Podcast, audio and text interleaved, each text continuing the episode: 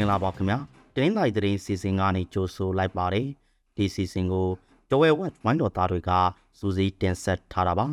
ဒီနေ့တင်ဆက်ပေးမယ့်သတင်းတွေကတော့တဲချောင်းမျိုးနဲ့တဲကနေအိမ်နှစ်ဆောင်ကိုစကောင်စီတပ်ကမိရှို့သွားတဲ့အကြောင်း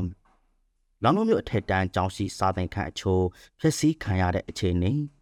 ကောတော်ကန်နာလန်ကိုညနေပိုင်းဆိုင်ကဖြတ်သားခွင့်ပေးလို့မြို့ခံတွေကဂျင်းနဲ့ဖြစ်နေကြတဲ့အကြောင်း မြောက်ရီမဲဆောက်ချစ်ကြီးတရားပေါ်ကနေမြန်မာအလုံသမားတွေဖြတ်တန်းသွားလာခွင့်ယာယီပေးလိုက်တဲ့အချိန်နဲ့ထိုင်းနိုင်ငံမှာမြန်မာတအူကိုအုပ်စုဖွဲ့ရိုင်းလိုက်တပ်ပြပြီးအလောင်းကိုချောင်းထဲဆော့ပိတ်ထားတဲ့အကြောင်းလေးဆက်ဆန္ဒကိုအကစားတရားအဖြစ်ဆွေဒင်နိုင်ငံကပထမဆုံးသတ်မှတ်တဲ့ဆိုတာတရင်အမှားပဲဖြစ်တယ်ဆိုတဲ့အကြောင်းအပါအဝင်ယနေ့ရွှေနဲ့ထိုင်းဘန်းကိုအတဲကြာစားတဲ့တရင်တွေကိုနားဆင်ရမှာပါ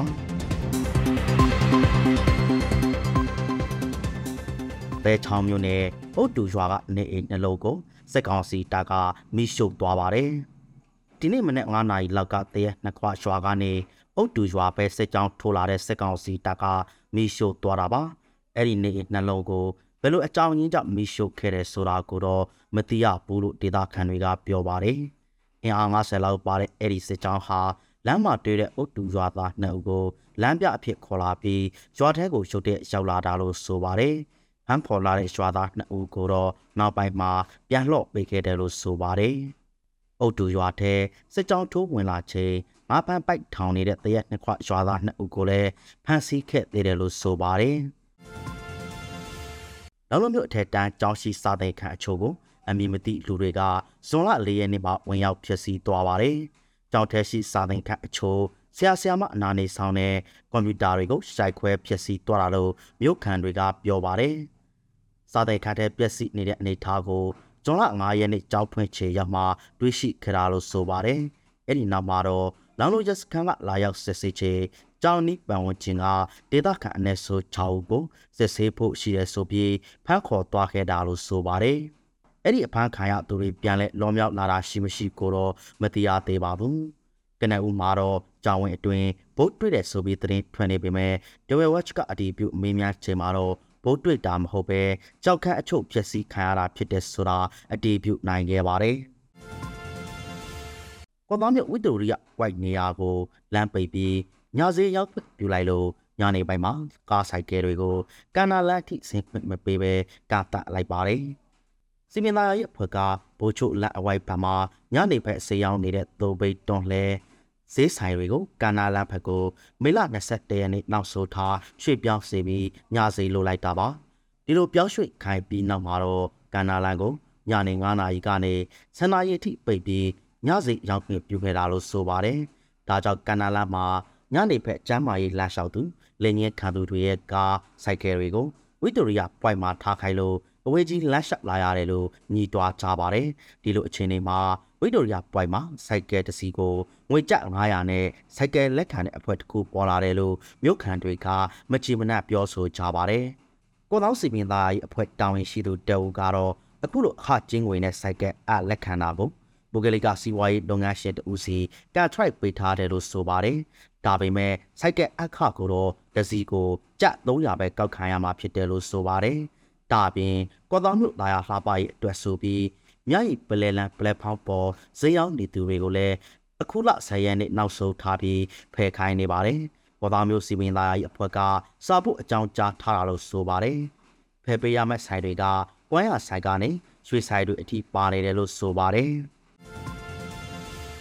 ထိုင်းမြန်မာနယ်စပ်အမြောက်ဒီမဲဆောက်ချစ်ကြီးအမှတ်1တရားပေါ်ကနေမြန်မာအလုပ်သမားတွေဖြတ်တန်းသွားလာခွင့်ကိုမြန်မာဘက်ကမနေ့ကရှားရီပေးလိုက်ပါတယ်။နိုင်ငံကိုလက်မှတ်စာအုပ် BB BJ မျိုးစားနဲ့မြည်သူမျိုးဝဖြစ်ကြောင်းတက်တဲ့ခံလက်မှတ်ဖြစ်တဲ့ CI ကဲဆောင်ထားတဲ့သူတွေကိုဖြတ်သားခွင့်ပေးလိုက်တာလို့ဆိုပါတယ်။ Work Permit အလုပ်သမားကစားတဲ့စာရွက်စာတမ်းအပြီးဆုံးရှိပေမဲ့တရားဖြတ်သားခွင့်မပေးလို့ပြည်ရင်းပြန်မဲ့သူတွေနဲ့ထိုင်းနိုင်ငံသွားမဲ့မြန်မာအလုပ်သမားတွေအခက်အခဲတွေ့နေကြတာပါ။ယာယီနေစဖြတ်သားခွင့်လက်မှတ်ကိုင်ဆောင်ထားသူတွေကိုတော့တွာလာခွင့်ပြုထားသလိုကားသွားလာကိုလည်းပိတ်ထားတာမရှိဘူးလို့ဆိုပါတယ်။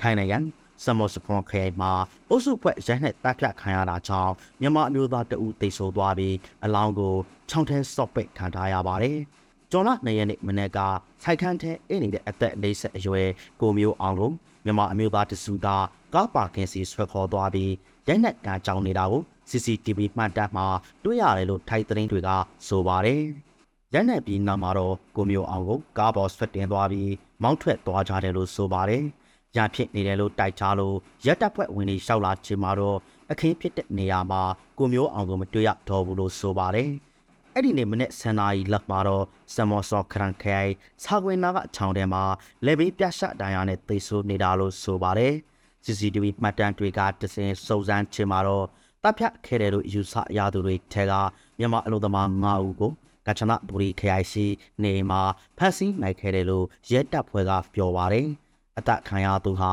ဝယ်စားတအူးဖြစ်ပြီးသူတို့စီကနေဝယ်ယူထားပြီးအလို့မရှာပေးတာနှမဖြစ်သူကိုလည်းကိုထိလက်ရောက်လို့ဘူးလို့တပ်ဖြတ်ခဲ့တာလို့ဆိုပါတယ်။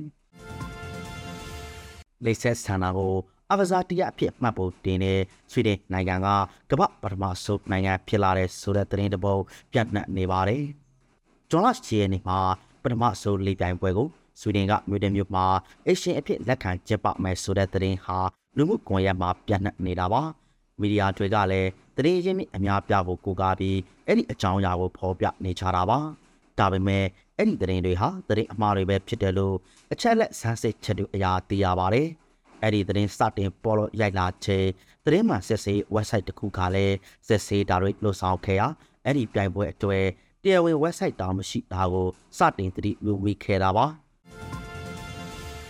နောက်ဆုံးတစ်ပုတ်အနေနဲ့ ရွှေစည်းနဲ့ထိုင်းပါစိတ်တက်ကြခြင်းတွေကိုတင်ဆက်သွားပါမယ်